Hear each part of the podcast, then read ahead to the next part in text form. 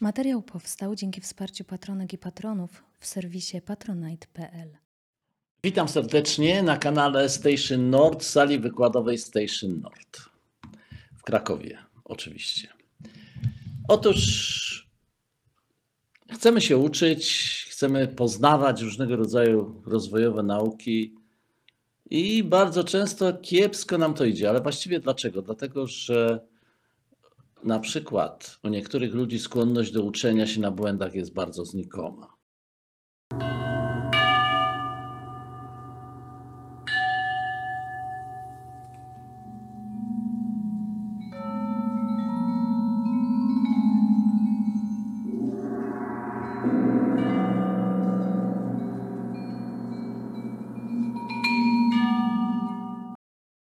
Rodzice często mówią swoim dzieciom: No, działaj tak jak ja, prawda? Ojciec Wirgiliusz uczył dzieci swoje, prawda? Róbcie dzieci co i ja i tak dalej. Może niektórzy znają tą piosenkę ze szkoły podstawowej. Działając tyle lat w określony sposób, nie osiągnęli zbyt wiele, zarówno na płaszczyźnie społecznej, jak i duchowej. Jak widać, niektórzy nie tylko sami nie potrafią uczyć się na błędach, ale innych również zachęcają do popełniania tych samych błędów. Ilustruje to historia o Nasrudynie. Nasrudin siedzi na, murki, na murku i próbuje jeść a, z tej papryczki chili. Strasznie się przy tym krzywi. Przyjaciel przygląda mu się przez chwilę, a następnie pyta: Muła, właściwie to co ty robisz? Szukam słodkiej, odpowiada Muła. Jak opowiadam to ludziom, którzy zrobili parę tych samych błędów, to mówią tak, tak, bardzo śmieszne, bardzo śmieszne. E, W czasie szkoleń dla handlowców, dla różnych firm miałem możliwość zaobserwować, że część ludzi w ogóle nie analizuje własnych błędów. No nie, no bo po co? A inni z kolei chętnie podjęli wysiłek analizy własnych błędów, ale nie potrafią tego zrobić lub nie mają narzędzi, które umożliwiają im postawienie diagnozy. Z kolei część wspomnianych handlowców nie chce się uczyć analizy własnych błędów, ani zapoznać się z narzędziami, które to umożliwiają. Skoro tak się dzieje w życiu zawodowym tylu ludzi, wyobraźcie sobie, jak wielu ludzi pragnie analizować własne błędy w kontekście życia osobistego i duchowego. Myślę, że jeszcze mniej. Dobre szkolenie często jest poprzedzone przez badanie potrzeb. Przeprowadziłem wiele badań potrzeb w ciągu ostatnich 30 lat przed szkoleniami dla kadry zarządzającej. Kiedy rozmawiałem z menadżerami, często zadawałem pytanie, jakie problemy chciałby Pan rozwiązać dzięki szkoleniu. Jeśli usłyszałem odpowiedź, że nie mam żadnych problemów, to wiedziałem, że odpowiadający ma wszystkie możliwe. Natomiast znakomici menadżerowie w odpowiedzi na to pytanie mieli bardzo dużo do powiedzenia. Czasami spisałem trzy kartki, rozmawiając z takimi zawodowcami. Także wyrazy szacunku dla nich. Częścią profesjonalizmu w pracy jest umiejętność stawiania problemu do rozwiązania, wyodrębnienia tego, czego powinniśmy się douczyć i tego, co powinno być doskonalone. Przewidywanie również trudności, które mogą nastąpić. No oczywiście mam pytanie do, do Was. Czy Wy nie lubicie słowa problem? Bo to dla niektórych jest B. To jest teraz taka moda, że dla niektórych słowo problem jest B. No to jeśli tak, to zapomnij o rozwoju i zwiększaniu własnych kompetencji. A swoją drogą, czy to nie zdziecinniała część umysłu neguje słowo problem? I mam pytanie. A jeśli wykreślimy z języka słowo rzeka, czy rzeki znikną z powierzchni Ziemi? Ho, ho, ho, na pewno tak, nie? Innym problemem i bardzo poważną przeszkodą w uczeniu się jest kłótliwość. No nie, no ja nie jestem kłótliwy. Nie mów o kłótliwości, bo ja nie jestem kłótliwy, nie? Na szkoleniach komercyjnych spotykam się często ze spontanicznym sprzeciwem niektórych uczestników. Podałem na przykład wyniki badań, a pan prezes mówi, a ja w to nie wierzę. No, współczuję panu prezesowi, ale nie zamierzam dyskutować, broniąc wyników badań. Jeżeli badania zostały poprawnie przeprowadzone i właściwa metodologia została zastosowana, to z czym czy można dyskutować? Z kolei podając szczegóły, niektórzy ludzie uwielbiają podawać przykłady przeciwne. No cóż, chyba na każdą zasadę ogólną można znaleźć zasadę przeciwną a tym bardziej, jeśli analizujemy szczegóły. Za takim zachowaniem często stoi tendencja ludzkiej natury do kłótliwości. Ta tendencja często uniemożliwia poznanie.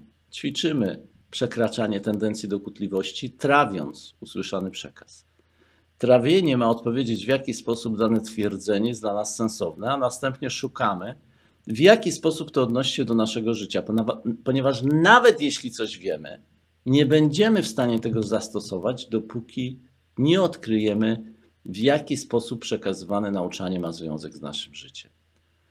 Kolejna przeszkoda, fajna, niecierpliwość. Niektórzy ludzie są niecierpliwi, chcą przyswoić wiedzę, nad którą pracowały pokolenia w dwie minuty, albo nawet niektórzy w półtorej.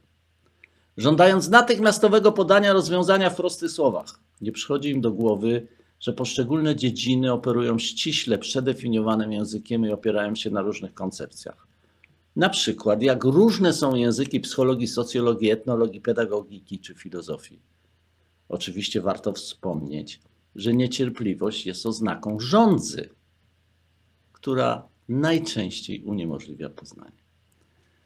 Proszę zauważcie, że my również w naszych książkach używamy ściśle przedefiniowanego języka, nawet na YouTubie. Kolejna przeszkoda, którą mogłem zaobserwować w ciągu ostatnich 40 lat pracy z ludźmi, przychodzą ludzie, którzy wolą brać niż dawać. Warto wspomnieć o tej postawie. Często ludzie, którzy przychodzą się uczyć, chcą brać. A zdolność do nauczenia się tego, co jest naprawdę ważne, zależy od tego, co masz do dania.